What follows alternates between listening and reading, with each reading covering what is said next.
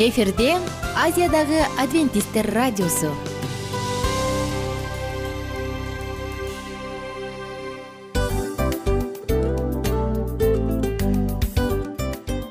Достор салют.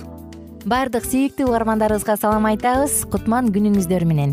Ден соолук өмүрдүн булагы демекчи саламат саамы программасында баарыңыздарды көргөнүбүзгө абдан кубанычтабыз. Анда алгач амандашып өтөлү арбаңыздар деп. Ден соолугуңуздар кандай элибизде көбүнчө ден соолук кандай дегенде эле жакшы деп жооп беребиз э? ооруп турсак дагы жакшы дейбиз. Анан мен муну айтып ойлойт элем бул абдан сонун сөз депчи анткени бул жакшы деген үмүт да ооба баары жакшы болот баары сонун. Деп үмүттөнүп атып эле өзүбүздү өзүбүз дарылап коебуз. Анысы кандай? Сиздин дагы ден соолугуңуз жакшы беш деген үмүттөбүз чындыгында ден соолук бул өмүрдүн булагы деп бекеринен айтылган эмес деп ойлойм. Кыргыз элинде анткени эгерде ден соолук жок болсо анда адамдын жашоосунда калган баардык керектүү маңыздуу нерселер өзүнүн баалуулугун жоготуп коет. Ошондуктан ден соолук бул эң керектүү нерсе. Ооба туура айтасың кесиптешим. Чынында ден соолугуң жок бир эки үч күн ооруп калсаң эле э кандай болуп калат? Жашоодо көз каранды болуп каласың көп нерсеге жетишпей каласың көп нерсени кыла албай каласың жада калса эшикке дүкөнгө да чыга албай каласың. Туптуура анан ден соолук болсо демек биз биздин бактыбыз тотой деп койсок болот. Анда достор саламат саамы рубрикабызды баштайлы. Алдыда өзүңүзгө керектүү болгон сонун кеңештерди уга аласыздар. Мына ошондуктан биз менен бирге болуңуздар. Ал эми биз болсо милан жана айнура. Кеттик алга. Алга саламат саама ден соолуктун жарчысы. Саламат саама ден соолуктун ачкычы. Күн сайын сиз үчүн мыкты кеңештер сонун жаңылыктар кызыктуу фактылар. Биздин рубрикада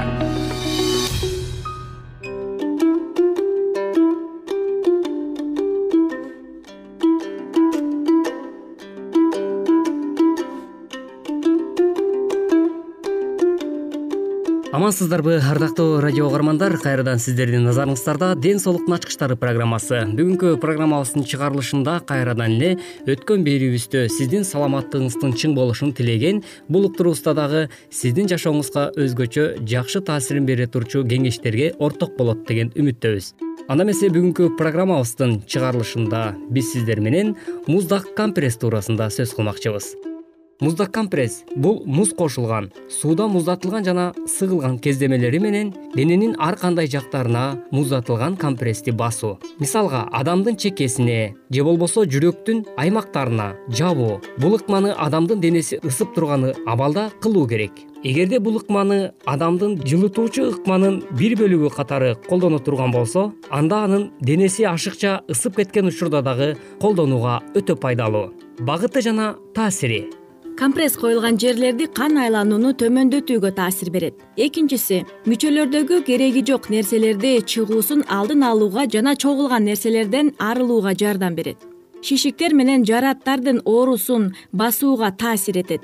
Жүрөктүн согуусу жогорулап кеткенде аны төмөндөтүүгө жардам берет. Компрессти жүрөктүн аймагына коюу керек дене колдонулуп жаткан компресстин натыйжасында муздак ысыктын өз ара аракетинин пайда болуусунан жакшы таасир алат.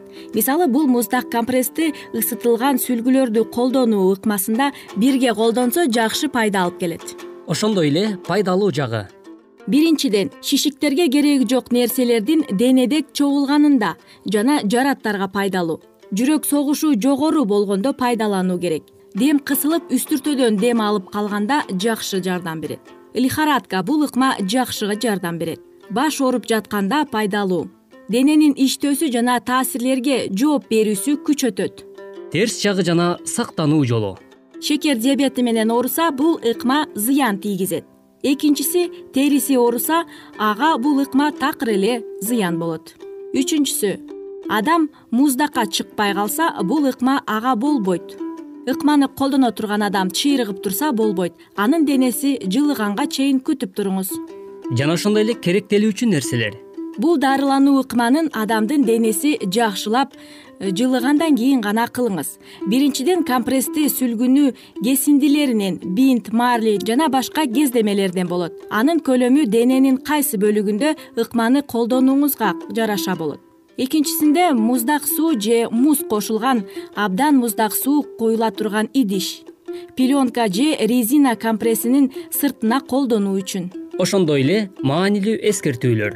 Өзгөчөлүктөр. Муздак компресс адамды башына аны жылытуучу ысык сүлгүлөрдү колдонуу буттарды ысытуу мындан ары баяндалган боло турган муздак кысуу жогоруда көрсөтүлгөн. Мисалы жылуулук дарылоо учурунда башына карата колдонулат. Ошондой эле ысык мончолордо жана нымдуу компресстер колдонулат.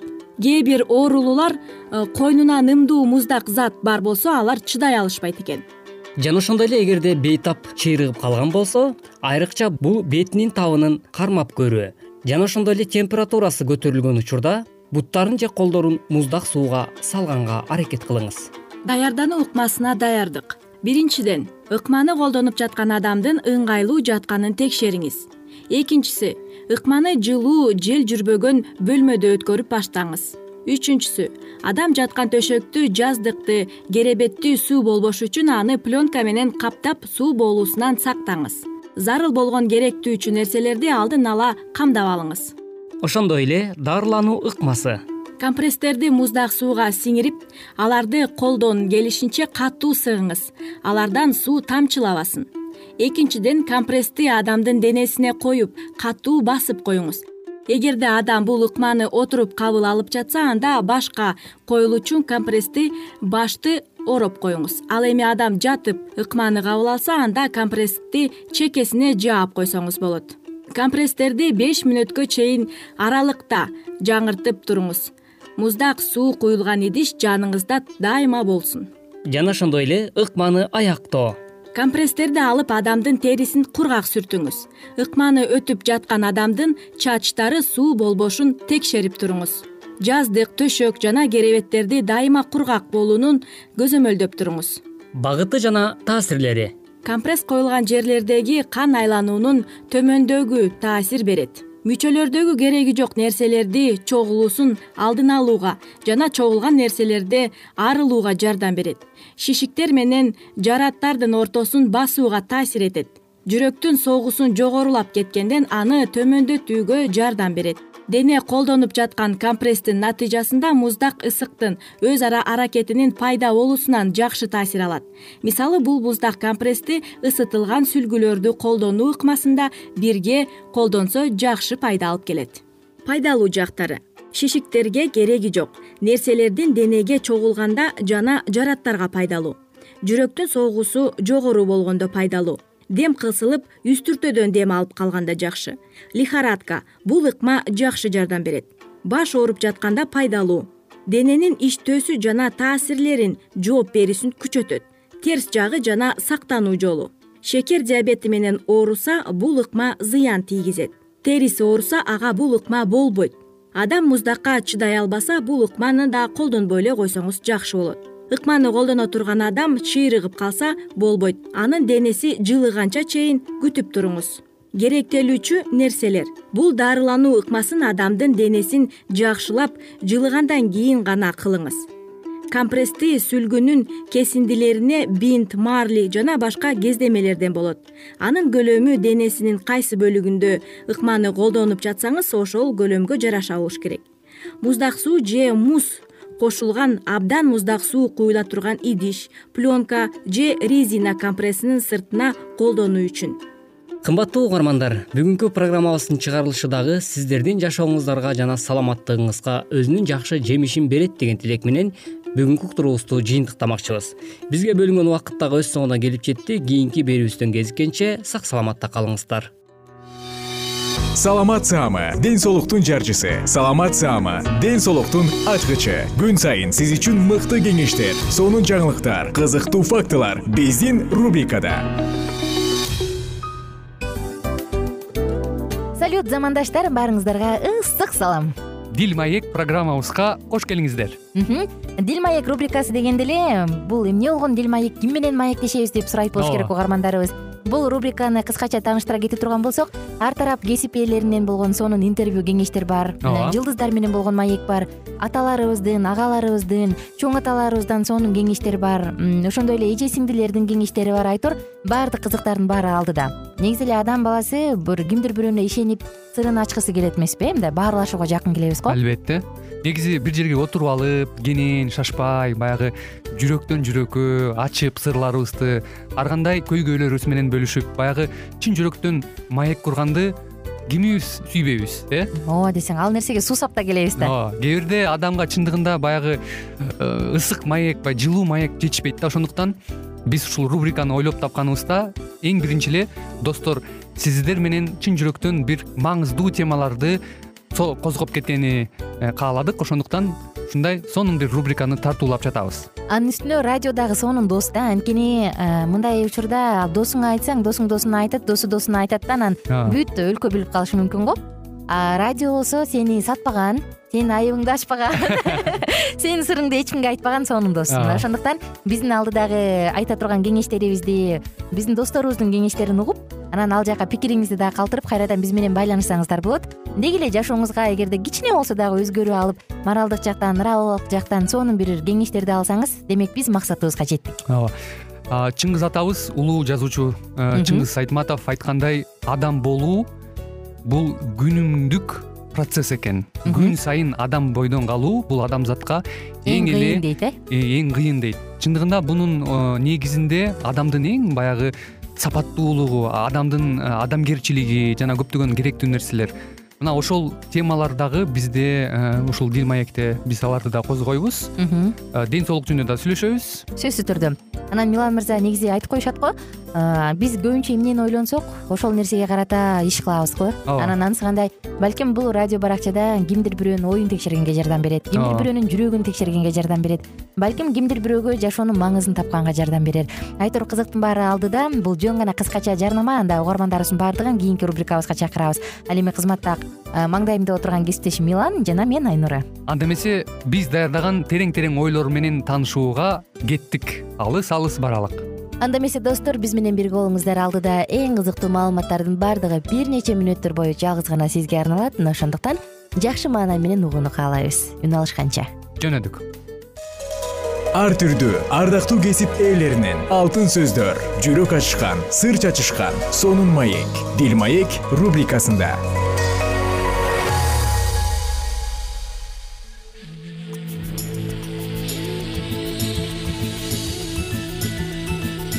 саламатсыздарбы кымбаттуу радио угармандарыбыз. Кайрадан эле сиздердин назарыңыздарда бүгүнкү берүүбүздө кездешип жатканыбызга өтө кубанычтабыз. Урматтуу угармандарыбыз бүгүнкү программабыздын чыгарылышында биз кыргызстанга саякат деген аталыштагы программабызды баштамакчыбыз. Ал эми дал ушул кыргызстанга болгон саякат туурасында сиздерге. Деги эле кыргызстан кандай өлкө жана биз ошол кандай өлкөдө жашап жатабыз ушул туурасында болмокчу. Кыргызстан борбордук азиянын эң кооз жерлеринин бири анын тегерегинин көпчүлүгүн тоолор ээлейт ал климаты ар түрдүү жаратылышы ландшафттардын жаныбарлар жана ошондой эле өстүрүүчү дүйнөнүн болушуна шарт түзөт. Бул жерден сиздер ак карлуу тоого күн нуруна бөлөнгөн тянь-шандын каарлуу келбетине күбө боло аласыздар. Шаркыратмаларга жана таң калтырган ташкындап агып жаткан дарыяларга көлдөргө куйган таптаза тунук болгон сууларга жаратылышы сизди өзүнүн сулуулугу менен таң калтырып жатат. Кыргызстандын мермети ысык көл жыл бою тоңбогон көл. Сиздин элестетүүңүздү таң калтырат биздин күнгө чейин кыргызстандын территориясында көптөгөн укмуштуу жерлер жана эстеликтер сакталып калган. Оштогу ыйык сулайман тоосу жер шарындагы эң чоң жаңгак токою арслан баб жалал абаддагы дары булактары таш рабат караван сарайы бурана мунарасы тоо жазууларынын эң көп чогулган жер саймалуу таш. Мамлекеттик евразиялык континентте чыгыш менен батыштын түндүк менен түштүктүн кесилишиндеги аба толкундарында орун алган. Манас аэропортунан учкандан кийин төрт саат аралыкта москва россия пекин кытай стамбул туркия дели индия шаарлары жайгашкан. Орун алган жери түндүк чыгыш. Аянты токсон төрт пайызы тоолор ээлейт деңиз деңгээлинин эки миң жети жүз элүү миң метр бийиктикте турат. Калкы алты миллиондон ашык адам. Калктын курамы кыргыздар элүү сегиз пайыз орустар он сегиз пайыз өзбектер он алты пайыз казактар тажиктер уйгурлар жана башка улуттардын сегиз пайызы жашайт. Кыргызстандын борбору бишкек тили кыргыз тили мамлекеттик тил орус тили расмий жана пикир алмашуунун негизги тили улуттук валютасы сом ошондой эле кыргызстан мекенибиздин географиялык абалы. Кыргыз республикасы орто азиянын түндүк чыгышынан орун алган. Тиан шандын жана түндүк памир алтайдын бөлүгүн камтыган. Кыргызстандын түндүгүнөн казакстан батышынан жана түндүк батыштан өзбекстан түштүк батыштан тажикстан түштүк чыгышынан кытай менен чектешет. Кыргызстандын чек арасынын жалпы узундугу төрт миң беш жүз үч километр деңиз деңгээлинен орточо бийиктиги эки миң жети жүз элүү метрди түзөт. Кыргыз республикасынын эң чоң суу запасына ээ болгон чоң дарыя бассейндеринде мисалга алсак эң чоң дарыя бассейндеринде жыйырма сегиз миң дарыялар жана булактар жайгашкан. Анын токсон пайызы он километр узундукта. Алардын ичинде суу деңгээли эң жогорку болгон дарыялар да бар мисалга алсак нарын дарыясы беш жүз километр узундукта жайгашкан. Кыргызстан республикасында эки жүздөн ашык көлдөр жана суу сактагычтар бар.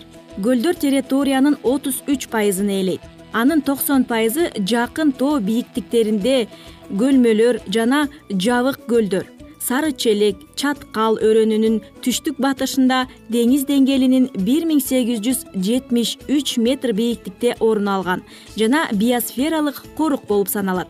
Бийик тоолуу ысык көл тянь шандын тоолорунун ичинде. Тереңинде чоң куймалары бар. Деңиз деңгээлинин бир миң алты жүз алты метр бийиктикте орун алган. Көлдүн түштүк тарабынан тескей ала тоо түндүгүн күнгөй ала тоо курчаган ысык көл башка көлдөрдүн географиялык климат жана гидрология шарттары боюнча айырмаланып турат. Формасы боюнча көл трапецияга окшош.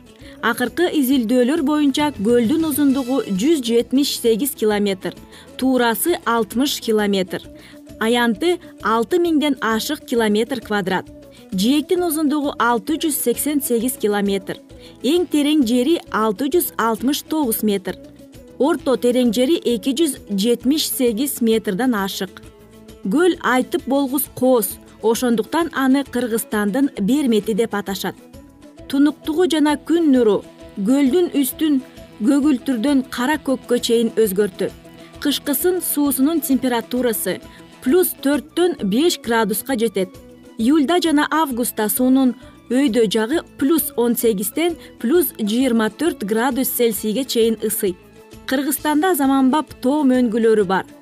Чоң региондордун бири алардын жалпы аянты сегиз миң жүз километр квадрат же мамлекеттин территориясынын төрттөн ашык пайызын бөлүгүн түзөт. Мөңгүлөрдүн үчтөн төрт аянты сыр дарыя жана таарим дарыя бассейнине таандык анын негизги борбору батыш тарапта жайгашкан сары жаз бассейнде эң чоң мөңгүлөрдүн өрөөнү болгон түштүк эңилчек узундугу алтымыштан ашык километр. Кайынды жыйырма тогуз километр. Ошондой эле тескей ала тоо кашкал тоо ак шыйрак чоң алай тоолору. Чаньшан тоолорунда жапыс чокулары бар мөңгүлөр кездешет. Ичиле тургандын суунун запасы болжол менен алты жүз элүү миллиард метр куб ал бүт мамлекеттин он эки дарыясына татыктуу. Ошондой эле кыргыз республикасынын борбордук шаары болуп бул бишкек шаары аталат. Кыргыз республикасынын борбор шаарында миллионго жакын эл жашайт. Андан сырткары дагы экинчи шаар болуп чоң шаарлардын катарында ээлеген кыргызстандын түштүк аймагындагы ош шаары кирет. Ош шаарында калктын саны үч жүз миңден ашык калк жашайт. Мындан сырткары кара кол ысык көл областтарында алтымыш төрт миңге жакын эли бар областтын борбор шаарларына нарын талас жалал абад жана баткен шаарлары кирет кымбаттуу радио каармандар ушуну менен бизге бөлүнгөн убактыбыз дагы өз соңуна келип жетти. Бүгүнкү программабыздын чыгарылышында биз кыргызстанга саякат аттуу программабыздын чыгарылышында өлкөбүздүн канчалык кереметтүү жерлери бар экени туурасында дагы сөз кылып өттүк. Бүгүнкү программада бизге назар салганыңыздар үчүн чоң рахмат кийинки берүүбүздөн сиздер менен дал ушул толкундан амандашканча сак саламатта болуңуздар деген тилек менен бүгүнкү программабыздын көшөгөсүн жапмакчыбыз эмки программада биз ысык көл туурасында сөз кылабыз.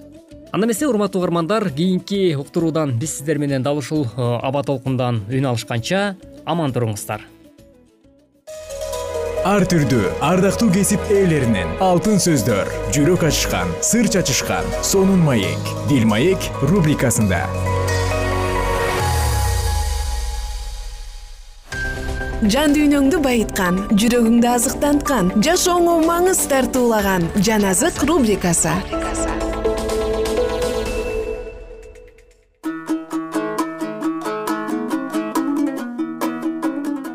Кутмандуу кушубак күнүңүздөр менен ардактуу кыргыз элим жалпыңыздарга арбаңыздар деп улуу учураш менен салам айтып кайрадан улуу күрөш китебинин саякатына чакырам. Биз менен бирге кызыктуу окуялардан кабардар болуңуздар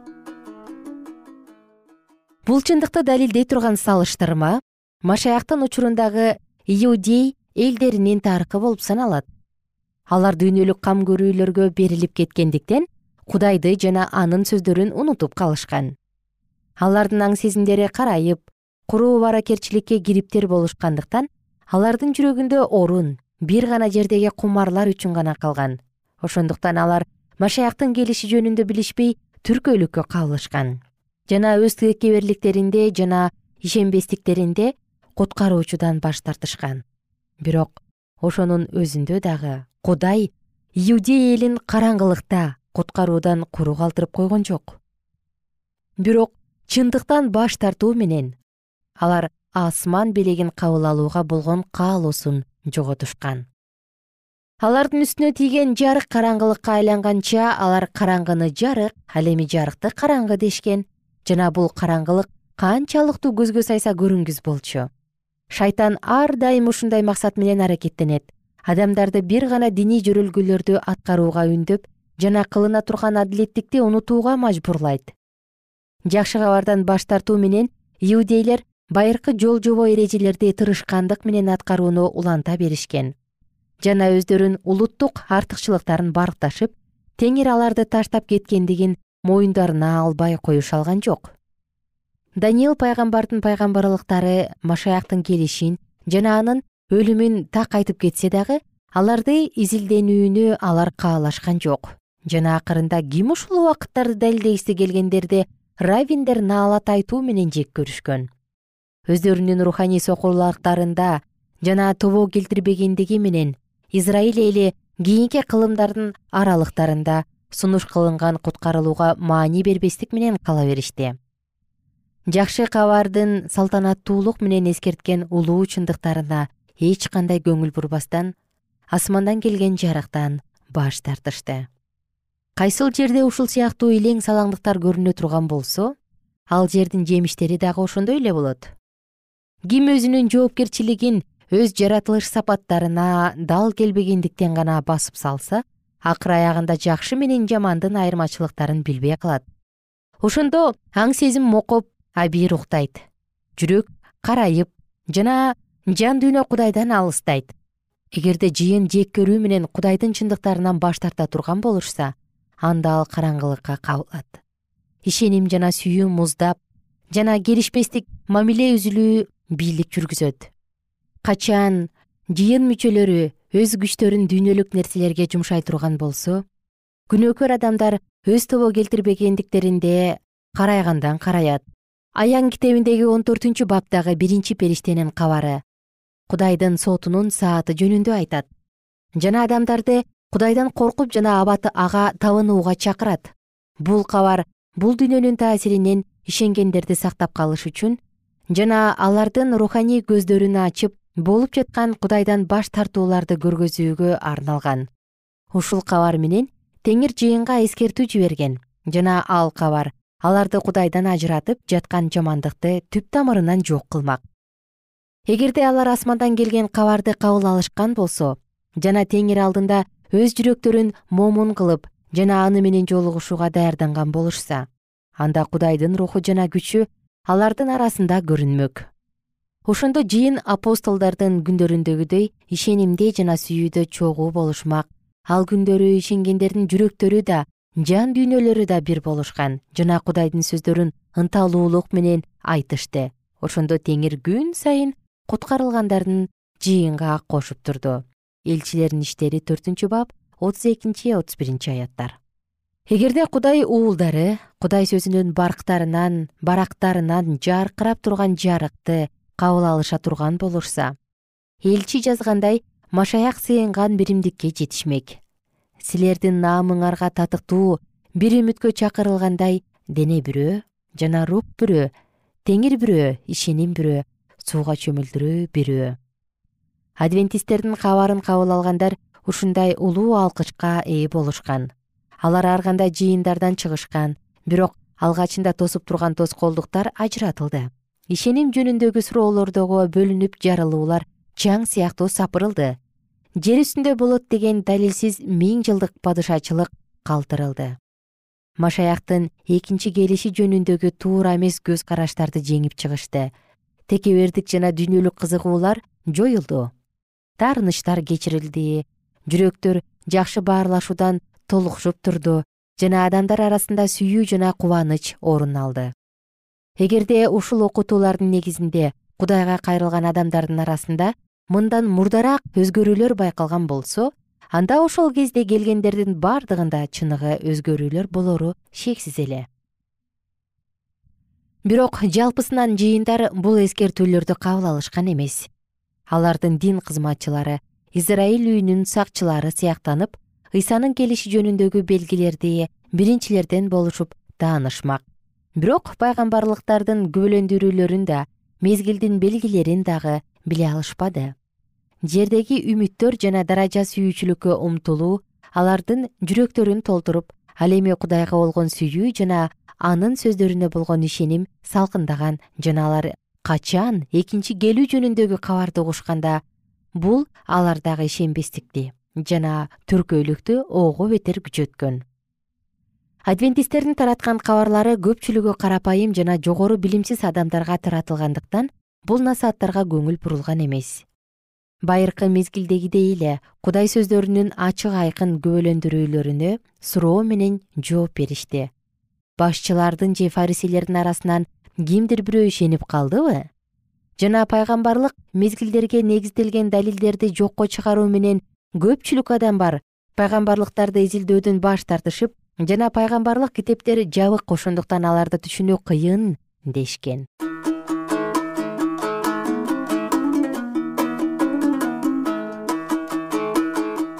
Достор сиздер менен улуу күрөш китебинен дагы бир үзүндү окуп өттүк. Кийинки уктурууда кызыктуу окуябызды улантабыз эмесе биз менен бирге болуңуздар. Баарыңыздарга көңүлдүү күн каалайм чын жүрөктөн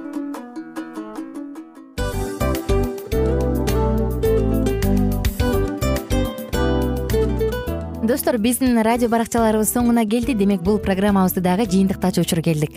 Учурга келдик. Анан кесиптешимден сурагым келип турат. Негизи эле иштин башталып атканы кубандырабы сени же жыйынтыгы кубандырабы албетте жыйынтыгы. Себеп дегенде сен кылган ишиңдин жыйынтыгын көрүп э, баягы мөмөсүн көрүп дегендей жыргайсың жүрөгүң жемишинен тартып э? Кандай даамдуу деп. Баягы буудай сепкенде эмес буудай эгинди жыйнагандан кийин ысык нанды жегенде кадимкидей ырахаттанасың го. Ой айтпа туура айта кеттиңиз. Сонун салыштыруу болду анан мен дагы абдан кубанып турам анткени биз угармандарыбыз үчүн аябай эмгектенип келген уктуруубуздун соңуна келип калдык.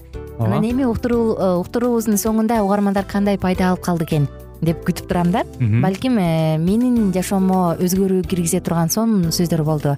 Мен ушул нерсени изилдеп анан кабыл албасам ушул нерсени кылбасам деген чечим чыгарсаңыз анда биз абдан кубанычтабыз сөзсүз түрдө.